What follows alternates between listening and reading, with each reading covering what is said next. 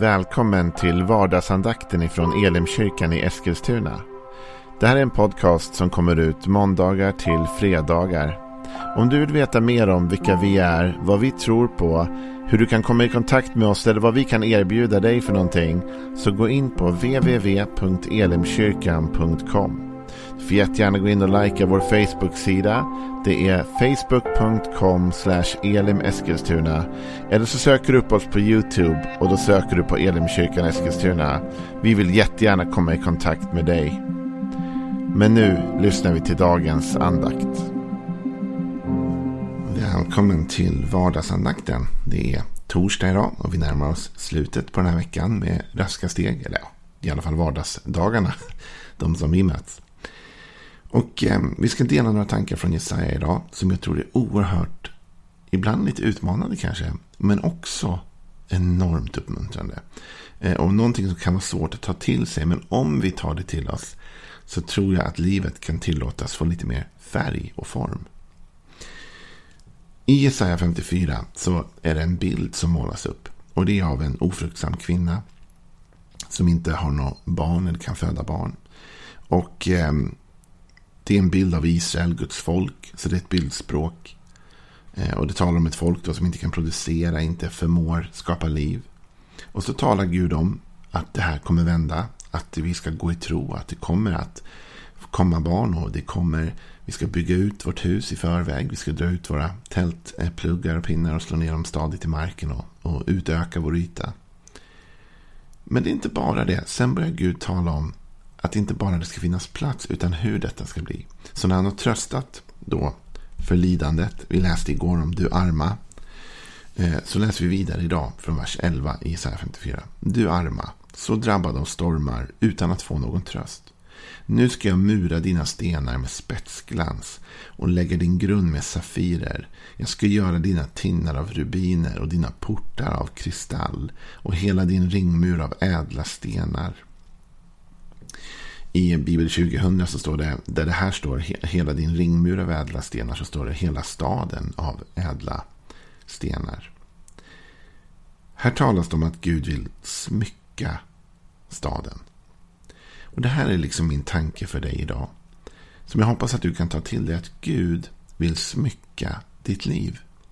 Gud vill inte bara ge dig ett funktionellt liv. Gud vill ge dig ett vackert liv. Gud vill ge dig det goda. Gud kunde ju ha sagt här, som han gör i början, att dra ut tältpluggarna och liksom vara nöjd med ditt tält. Och, och förnöjsamhet är inte det jag talar om nu, för förnöjda ska vi vara. Vi ska hitta en tacksamhet och en glädje i Herren som, som kan vara i goda stunder, i svåra stunder, när vi har mycket eller när vi har lite. Det är liksom inte det som egentligen är det som avgör glädjen. Men ändå så vill Gud få smycka. Här talar han inte om en stad som bara är liksom väggar, betongväggar eller träväggar. Utan här talar han om en stad av ädla stenar. Han talar om av murar eh, eh, med spetsglans och en grund av safirer. Så nu börjar vi tala om verkligt värde. Och Det finns en underbar vers i början av Bibeln. När det talas om, den, om Adam och Eva och, och det talas om den trädgård som Gud planterade dem i. Så står det att Gud lät alla träd växa upp där. Sådana som var Eh, eh, vackra att se på och goda att äta av. De var både vackra och goda. De hade liksom, de var smyckade. Va? Det var inte bara att de mättade. De var goda. Och det var inte bara det att de stod där och fyllde någon funktion. Utan de var vackra att se på. Och, och, och, Så där ser vi liksom att Gud vill smycka ditt och mitt liv. Och kanske i perioder att vi går igenom livet och känner att livet är ganska osmyckat och osminkat. det är tungt och det är jobbigt och det är inte så vackert jämt. Och, och det är inte alltid vackert. Men det finns också det vackra och Gud vill framförallt ge dig mer av det vackra. Han vill att ditt liv ska få bli smyckat av hans goda. Han vill att ditt liv ska få bytas ut från en, en grund bara av, av liksom cement eller betong till en grund av safirer. Någonting vackert, någonting gott. Och nu förstår du också att det delvis är lite bildspråk här. Men, men det handlar ändå om att förädla ditt liv, eller hur? På något sätt. I Uppenbarelseboken så talas det om framtiden och Johannes får en syn, en vision om vad som ska hända vid tidens, eh, den här tidens slut. Och han talar om den nya himlen och den nya jorden. Och, och det finns ett uttryck där som är helt fantastiskt ifrån Uppenbarelseboken 21 och vers 1 vidare. Och jag såg en ny himmel och en ny jord. Ty den första himlen och den första jorden var borta och havet fanns inte mer. Och jag såg den heliga staden, det nya Jerusalem, komma ner ur himmelen från Gud, redo som en brud som är smyckad för sin man. Och från tronen hörde jag en stark röst som sa, se Guds tält står bland människorna och han ska bo ibland dem och, han ska vara, och de ska vara hans folk och Gud själv ska vara hos dem och han ska torka alla tårar från deras ögon. Och döden ska inte finnas mer och ingen sorg och ingen klagan och ingen smärta ska finnas mer till det som en gång var, var borta. Och han som satt på tronen sa, se, jag gör allting nytt. Det här är så hoppfullt, eller hur? Att Gud tar bort det onda och svåra och kommer med någonting nytt. Men just den här versen som det stod i början, att det här Jerusalem kommer ner från himlen, redo som en brud smyckad för sin man. Det är inte bara det att Gud låter en stad komma eller en ny värld komma. Det är en smyckad värld. Det är en vacker värld. Gud är skönhetens Gud. Det står någonstans i Bibeln att, att Gud är ordningens Gud. Och det är sant att Gud är ordningens Gud. Det finns en ordning i naturen, det finns en ordning i allting. Men ibland får vi då för oss att ordning och skönhet inte kan gå ihop. Och vi får för oss att ordning då handlar om, liksom, här är fack 1 och fack 2. Här är ett hus med fyra väggar och ett tak. Och, men Gud, även om han är ordningens Gud, vill också smycka denna ordning så att den blir vacker. Och så att den glänser. Och så att den blir mycket, mycket mer än bara funktionell. Den ska vara både så att säga god att se på, eller vacker att se på och god att äta av. Jag vet inte om du har hört den här sången. Jag och min pappa brukar prata om den ibland. För vi har lite olika känslor kring den. Sången eh, Pärleporten som ofta har sjungits mycket i, i frikyrkor. Eh, men det är lite intressant. För om du tänker på den. Vad är det för egentligen vers? Pärleporten. Jo, då är det så här. Att i, i eh, fortsättningen av den här beskrivningen. Som Johannes gör av Jerusalem så börjar han faktiskt tala om hur, hur den här staden är byggd. Och lyssna då lite grann på det. Grundstenarna i stadsmuren var av alla slags sköna ädelstenar. Den första grundstenen var jaspis, den andra safir, den tredje kalcedon, den fjärde smaragd. Och så fortsätter det fram. Och så kommer vi till vers 21. De tolv portarna var tolv pärlor. Varje port av en enda pärla. Och den breda gatan genom staden var av rent guld som var som, var som genomskinligt glas. Pärleporten vi sjunger ibland handlar om att Johannes i sin syn om himlen ser att portarna in i den här staden är gjorda av en enda pärla. Kan du tänka dig en sån enorm, du vet, smaragd som är en hel, en hel dörr. Vi kan inte ta till oss detta, det är orimligt för oss att förstå. Men vad är det vi ska förstå? Att Gud vill smycka ditt och mitt liv. Gud kunde ju ha gjort en dörr in i himlen som bara var funktionell. Som var enkel. Man kan ju fundera på så här, hur, hur, hur praktiskt är det att ha en pärla som port. Det måste vara lite mäckigt. Men, men det måste vara vackert. Gud är inte bara funktionell, han är också vacker. Gud vill inte bara att ditt liv ska fungera. Gud vill inte bara att ditt liv ska sitta ihop eller hänga ihop. Gud vill att ditt liv ska få vara vackert. Gud vill att ditt liv ska få vara fyllt av, av glansen av hans godhet. Gud vill liksom ge dig det goda. Och Jag tror att det är så viktigt att vi vågar ha den bilden. Vi har ofta så dåligt självförtroende, du och jag. Eller i alla fall eh, jag kan stundtals ha dåligt självförtroende vad det gäller min relation till Gud. Och man kan känna att amen, vem är jag och jag räcker inte till. Och jag har ju alla mina brister och de ska vi inte ta upp här i vardagsandakten. de finns ju där. Alltså man kunde ju fastna i det där. Va? Eh, och då kan man komma långt ifrån känslan av att Gud skulle vilja göra det goda för mig. Men han vill det. Faktum är att Gud vill smycka ditt liv med sitt goda. Han vill få verkligen se till att du glänser, så att säga. I Hesekiel, det 16 kapitlet, Hesekiel var också en gammaltestamentlig profet, så talar Gud om, om sitt folk och använder bilden av en kvinna igen. Och det här är liksom en ganska eh, svårt kapitel. För det handlar också om att Israel, Guds folk, vände sig bort ifrån Gud. Men, men det handlar om att han talar om att han hittar den här kvinnan. Som är, är, är blodig och, och, och liksom inte alls mår bra när han hittar henne. Och så läser vi vad som händer när han, han hittar henne. Då. Det står så här i vers 9. Jag tvättade dig med vatten och sköljde av dig blodet och smorde dig med olja.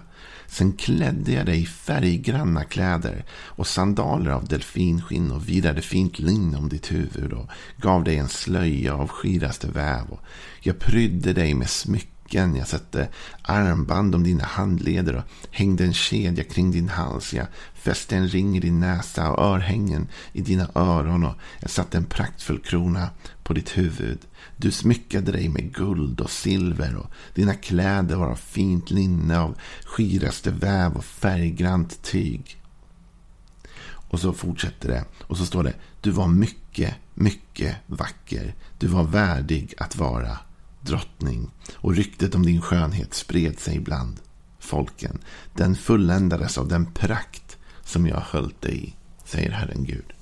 återigen talas det om ett folk som Gud då smyckar som Gud låter bli vackert. Jag brukar ta upp den här ibland när folk funderar kring piercings. Så här står det faktiskt, jag fäste en ring i din näsa. Så jag, jag tänker att det är första bibelordet om piercings. Men poängen, vad är poängen? Poängen är att Gud har alltid varit ute efter att låta sitt folk bli smyckat. Gud har alltid varit ute efter att låta folket bli vackert. Nej, det handlar inte om att Gud skulle utvälja det vackra folket. Det är inte det det handlar om. Det handlar inte om att Gud bara väljer de perfekta. Tvärtom skulle jag nästan säga. Så väljer Gud alla människor då. Men han väljer också de som är väldigt svaga, trötta. När han tar den här liknelsen så är det ju vackert att han inte säger så här bara jag hittade världens vackraste kvinna och jag smyckade henne. Utan han talar om att han hittar en kvinna som är nedslagen och blodig och som, som inte alls mår bra. Och han, och han gör henne hel och han klär på henne vackert och låter henne glänsa och ger henne drottningstatus. Och, alltså Gud hittar oss när vi inte är så mycket men sen vill han smycka vårt liv. Och Det handlar inte om var du och jag börjar så mycket som vart du och jag slutar. Om vi låter Gud fylla vårt liv med färggranna kläder, med det goda, med, med allt det där du vet, Gud vill ge dig det att njuta av. Gud har ingenting emot att du glänser. Vi har läst massa bibelord här nu om att Gud vill smycka sitt folk, smycka oss som en drottning. Eh, och låt Gud göra det. Och kanske till och med att man kan få utmana dig idag och mig idag att säga Gud, smycka mig. Det är okej, okay. jag tar emot. Om du vill ge mig en gåva, om du vill smycka mitt liv, om du vill låta det vackra träda fram, låt det vackra träda fram. Herre, smycka mitt liv idag. Det är faktiskt en bön vi får be. Så ofta är våra böner bara om behoven. Och det blir lite grann som man unnar sig själv sällan saker. I alla fall jag är ofta fokuserad på du vet, alla andra behov som finns. Och alla andra människors behov. Men att ibland unna sig själv någonting. Och att låta Gud smycka Låta Gud fylla på det goda i ens liv. Och ädelstenar ska jag avsluta med är ju ändå någonting som förädlas fram. Eh, och det finns en berättelse, jag hade funderat på att läsa den, men jag gör inte det för tiden drar ifrån oss i den här vardagsandakten. Men det finns en berättelse i Johannes om Johannes kapitel 2 om Jesus som är på ett bröllop. Och, och vinet tar slut och de blir stressade. Och, och Jesus gör ett mirakel där han förvandlar vatten till vin. Han förädlar vattnet. Det är inte så att Jesus springer ut och handlar nytt vin. Det är inte så att Jesus eh, trollar fram vin. Han förädlar vatten till vin på ett sätt som vi såklart inte kan förstå eller ta till oss. Det är ett mirakel. Men på samma sätt är det med ditt och mitt liv. Det är inte det att Gud liksom tar bort oss och ersätter oss med någon annan. Han förädligar vårt liv. Vi finns en grund i vårt liv kanske och Gud låter den grunden bli till Safir. Det finns en dörr i vårt liv men Gud låter den dörren för, för, förädlas till en, eh, en eh, pärla. Alltså Gud vill ta det du har i ditt liv och göra det vackrare. Förädla det. Göra det till mer värt. Gud vill göra det för din skull. Inte för någon annans skull egentligen än din skull. Han vill att du ska få känna dig vacker. Han vill att du ska få känna att ditt liv har det vackra i sig. Det finns så mycket eh, mental ohälsa idag. Det finns så mycket sorg i världen idag. Det finns så mycket kamp i världen idag. Jag tror att vi behöver det här budskapet. Gud vill göra, vill ta fram och lyfta fram det vackra i ditt liv. Och Gud vill ta den grund som finns, hur svag eller, eller skruttig den än kan vara. Så vill han ta den och förädliga den till Safir, till det vackra. Så att vi får bo i det Jerusalem, den stad som Gud har smyckat åt oss. Det är ett budskap för idag. Så be en modig bön denna torsdag. Säg till Gud, Gud, smycka mitt liv. Jag tar emot ditt goda idag. Hej då.